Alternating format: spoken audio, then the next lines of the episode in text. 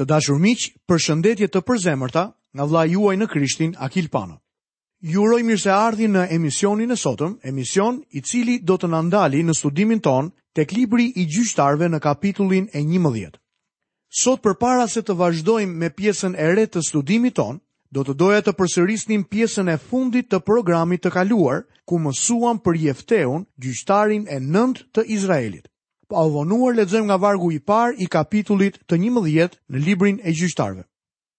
Jefteu Galaditi ishte një njeri i fort dhe trim, bir i një prostitute dhe i Galadit. Dua t'ju të rejtë vëmendjen duke ju thënë se a i është një drejtues i jash zakonshëm, por ka këtë njollë të zezë që e ndjekë si hije ku do që shkon. Jefteu është djal i palikshëm, biri i një prostitute. Lexojmë në vargun e dytë. Bashkëshortja e Galadit lindi bitë të tjerë. Kur bitë e grua së ti arritën në moshë madhore, ata e dëbuon jefteun dhe i thanë, ti nuk do të kesh rashëgimni në shtëpinë atit tonë, sepse je biri i një grua e tjetër. Proverbat 2.16 flet për gruan e huaj nga e cila duhet të ruhej djali, sepse prostitutat ishin të huaja. Historiani Josefus na tregon se gruaja e Galadit ishte pagane. Shkrimet e breje e kanë quajtur atë një ismailite. Kështu Jefteu ishte biri i një prostitute të zakonçme pagane. Të qenit i paligjshëm ishte një njollë që e damkoste një person që nga lindja, pavarësisht se kush ishte. Ky njeri, Jefteu, u dëbua nga shtëpia e babait të tij. Ai u dëbua dhe u izolua. Sipas ligjit të përtërir 23 vargu i dytë, ligji Mojsiut do ta përjashtonte këtë njeri nga bashkësia e Zotit. Pra të qenit një person i paligjshëm ishte një emet por shumë vetë e ka përcyen atë. Ka pasur mbretër, perandor, general, edhe poet, që kanë qënë fëmi të paliqëm. William pushtuesi, njihej me emrin William Bastardi, sepse ishte i tilë. Po kështu ishte edhe jefteu dhe ne do të shojmë që i e ka përceu këtë të metë të tjenë. Ledzojmë në vargun e tretë. Ateher jefteu i ku largë vë lezërve të ti dhe u vendos në vendin e Tobit, rreth jefteut u mblodhën njerëz pa asnjë vlerë që kryenin sulme bashkë me të. Jefteu u bë udhëheqësi një bande të dëshpëruarish. Ja ku gjendet një njerëz që ka për të kapërcyer tre pengesa për para se të bëhet një udhëheqës në kombin e ti. A i është biri i një prostitute dhe u të bua nga vëlezrit e ti. A i është udhëheqësi i një grupi të përçmuar dhe të refuzuar i një bande. A i nuk është në një me vlera për të përdorur por Perëndia përdor njerëz të tillë. Ky është lajmi i mirë miku im. Perëndia përdor njerëz të zakonshëm. Perëndia shpesh herë lëviz në rrugë të mistershme dhe zgjedh njerëz që janë të përçmuar në këtë botë. Perëndia i përul këta njerëz që ai synon ti përdor. Zoti përuli Jozefin, Mojsiun dhe Davidin. Zoti ynë e përuli gjithashtu veten e tij. Fjala e Zotit thotë që ai u përçmua dhe u refuzua nga njerëzit. A i është guri që ndërtu e si të hodhën poshtë, por që u bë guri i qoshes. Armiqët e ti i thanë, ne nuk do të alëm këtë njëri të sundojnë bine, por përëndia e lartësoj dhe i dha një emër për mbi gjdo emër tjetër. Sot ka njërës që pretendojnë se janë bitë e përëndis, por në fakt nuk janë. Ata janë bitë të paligëshëm, gjë që do të thotë se nuk janë të rilindur sërish. Ti mund të bëhesh një fëmi i ligëshëm i përëndis, duke i besuar Zotit Jezu Krisht. Jefteu ishte një i dëbuar, por tani do të shohim që a i do të lartësohet. Lezëm nga vargjet 4 dheri në vargun e 10. Pas një farë kohe, bite Amonit i shpadhen luft Izraelit. Kur bite Amonit filluan luftën kundër Izraelit, pleqët e Galadit shkuan ta kërkojnë Jefteun në vendin e Tobit dhe i than Jefteut: "E jam me ne dhe bëu kapedani ynë për të luftuar kundër bijve të Amonit." por jefteu ju përgjigj plejqve të galadit duke thënë. A nuk më keni u rryer dhe dëbuar nga shtëpia e ati tim? Pse vini tani të kunë kur jeni keq? Plejqët e galadit i than jefteut. Pikërisht për këtë jemi këthyër tani të këti, me qëllim që ti të vish me ne për të luftuar kundër bive të amonit dhe të vijesh në kryet e gjithë banorve të galadit.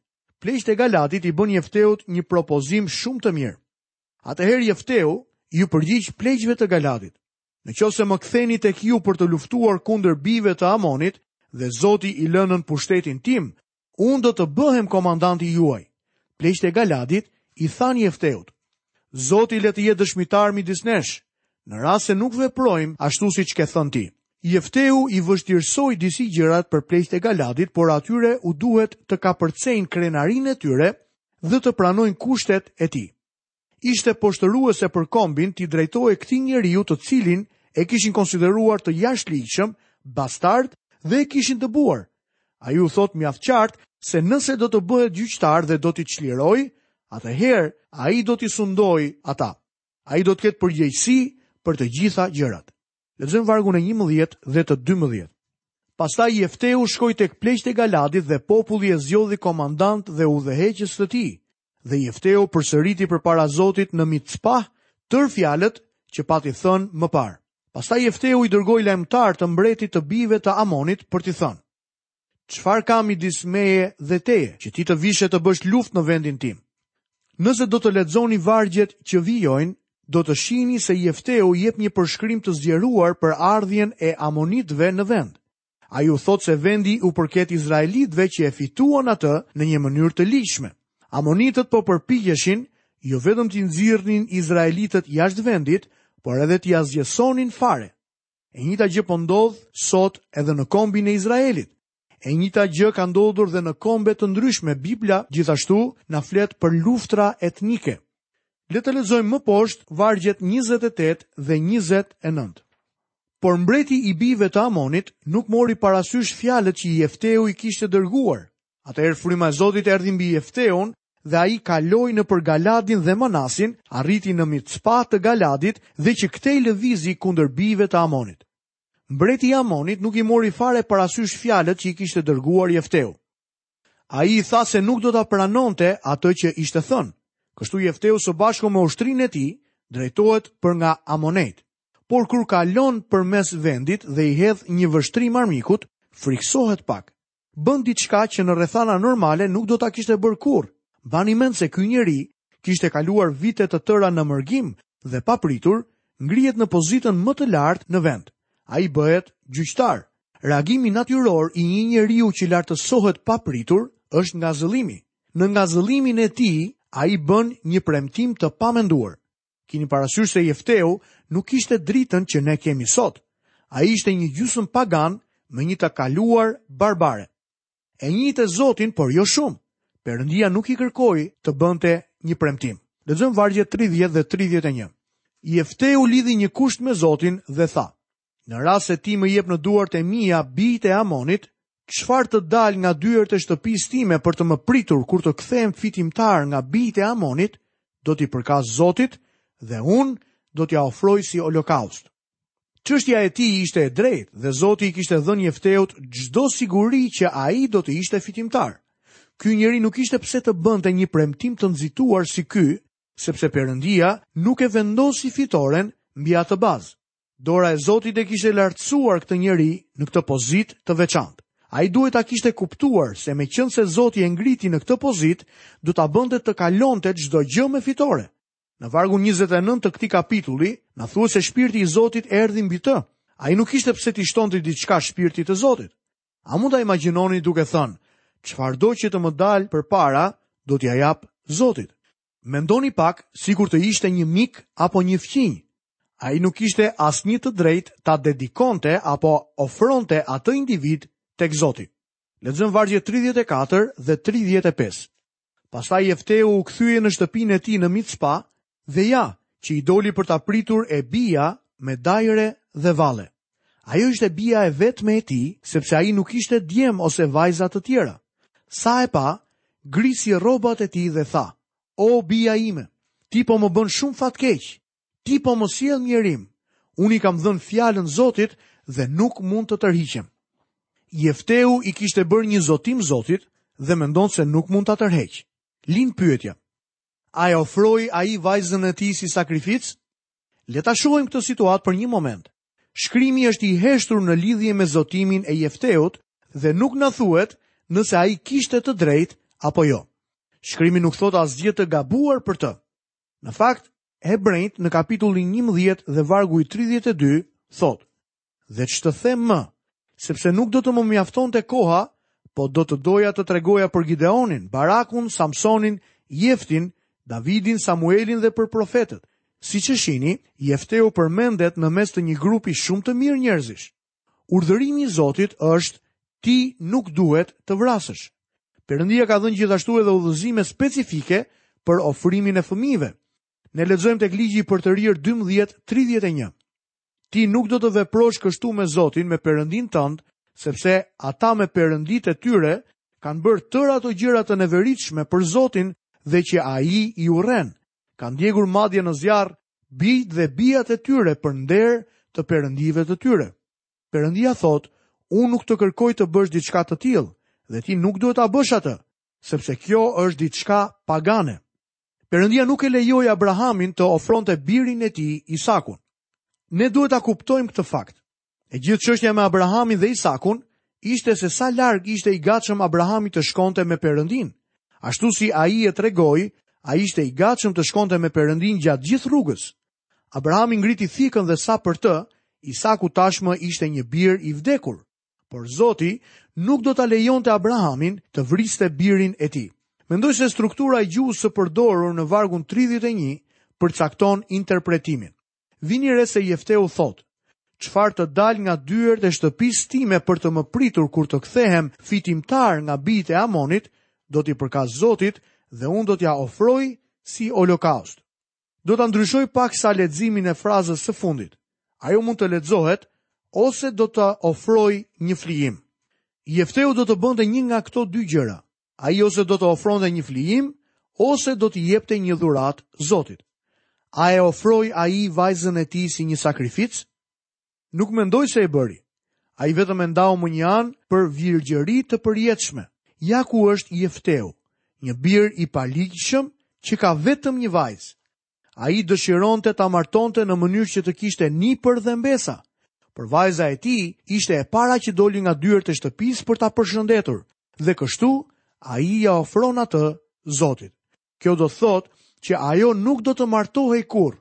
Ti mund të thuash, a mund të jesh i sigurt për këtë? Mirë, atëherë dëgjoni se qëfar tha vajza. Lexojmë Vargun 36. Ajo i tha: "O atë, në rast se i ke dhënë fjalën Zotit, vepro me mua sipas fjalëve që kanë dal nga goja jote." sepse Zoti ta mori hakun me armiqtë e tu, bijtë e Amonit. Vinire se vajza e ti ishte një vajz e bindur. Ajo tha se do të bënte gjithçka që i ati i saj ja kishte premtuar Zotit. Lexojm vargun 37. Pastaj i tha të atit: "Të më lejohet kjo e drejtë. Lërm të lirë dy muaj në mënyrë që të sillem në përmale duke qar virgjërinë time me shoqjet e mia." Ajo nuk e kuptoi premtimin e tij për të qenë një flijim, apo sakrificë, por kuptoi që nuk duhet të martohej. Këto janë synimet e saj dhe ajo do të vajtoj faktin e djërgjërisë e saj. Ajo nuk do të ishte nusja e askujt. Jeta e saj do t'i përkushtohej Zotit. Lëzën vargun 38 deri në vargun e 20. A i ju përgjigjë, shko, dhe la të shkonte për dy muaj. Kështu ajo shkoj me shoqet e saj dhe qa ndër male djërgjërin e saj. Mas dy muajsh ajo u këthyet e kijati dhe veproj me të si pas kushtit që kishte lidhur. Ajo nuk ishte njohur burë, kështu u bë zakon në Izrael që bijat e Izraelit të shkojnë gjdo vit e të qajnë bijën e jefteut galaditit katër dit me radhë. Ky pasaj nga tregon se vajza i jefteut nuk u martua. Në vend të martesës ajo ja dedikoj jetën e saj zotit. Fjala qajnë në vargun 20 do të thot festojnë gjdo vit për 4 dit, vajza e jefteut përkujtohej në një mënyrë të veçantë. Ajo ju dedikua plotësisht Zotit dhe shërbesës së ti. Nuk na jepet as një edhën që ajo u sakrifikua. Njerëzit kanë diskutuar shumë për këtë histori për vite të tëra. Për sëri po bëj pyetjen, ajo jo froj efteu vajzën e ti si sakrific? Jo, për qështja nuk është këtu. Perëndia nuk do ta kishte lejuar atë të ofronte bijën e tij si një flijim zjarri. Faktori do me thënës është se jefteu e mbajti premtimin e ti. Zotimi i ti ishte diçka e shendë, A i nuk bëri shaka me premtimin që i dha Zotit. Në fakt, a i ishte një zotimi pamenduar mirë, por nuk ishte një mburje boshe. A i nuk ishte një premtimi zbrazët. Fjala e Zotit ka gjira të repta dhe të forta për ata që zotohen të bëjnë një premtim. Vini re se qfar thot libri i predikuesit për zotimet. Mosun zito me gojën tënde, dhe zemra jote të mos shpejtohet të thot asë një fjalë për para përëndis, sepse përëndia është një qiel dhe ti mbi tokë, prandaj fjalët e tua të jenë të pakta. Kur i ke bërë një zotim përëndis, mos hum kota plotësosh, sepse a i nuk nëqet me buda lejnët, plotëso zotimin që ke marë, më mirë të mos marë zotime se sa ti bësh dhe të mos i plotësosh. Miku im, ti bën mirë ti premtosh Zotit vetëm atë që mendon se mund ta zbatosh kam frikë se ka shumë të krishterë që bëjnë ceremonira. Do shta mund të shkojnë tek altari pas shërbesës dhe duke ndezur një qeri, ja përkushtojnë veten Zotit. Disa njërës të tjerë e dedikojnë dhe e rrit dedikojnë veten e tyre, deri sa era e qirinjve shkon deri në qia. Përëndia thot, mos unë zitoj dashur me gojën tënde. A i thot se je i marë nëse bën një zotim pa u menduar. Miku im, mund të mendosh për këtë në dedikimin e ardhshëm që do të bësh. Mos vrapo tek altari për t'i ofruar Zotit gjithçka nëse nuk e ke me mend atë që po thua. Jefteu ishte një fëmijë i paligjshëm. Nëna e tij ishte prostitut. Ai kishte një vajzë të këndshme dhe të dashur.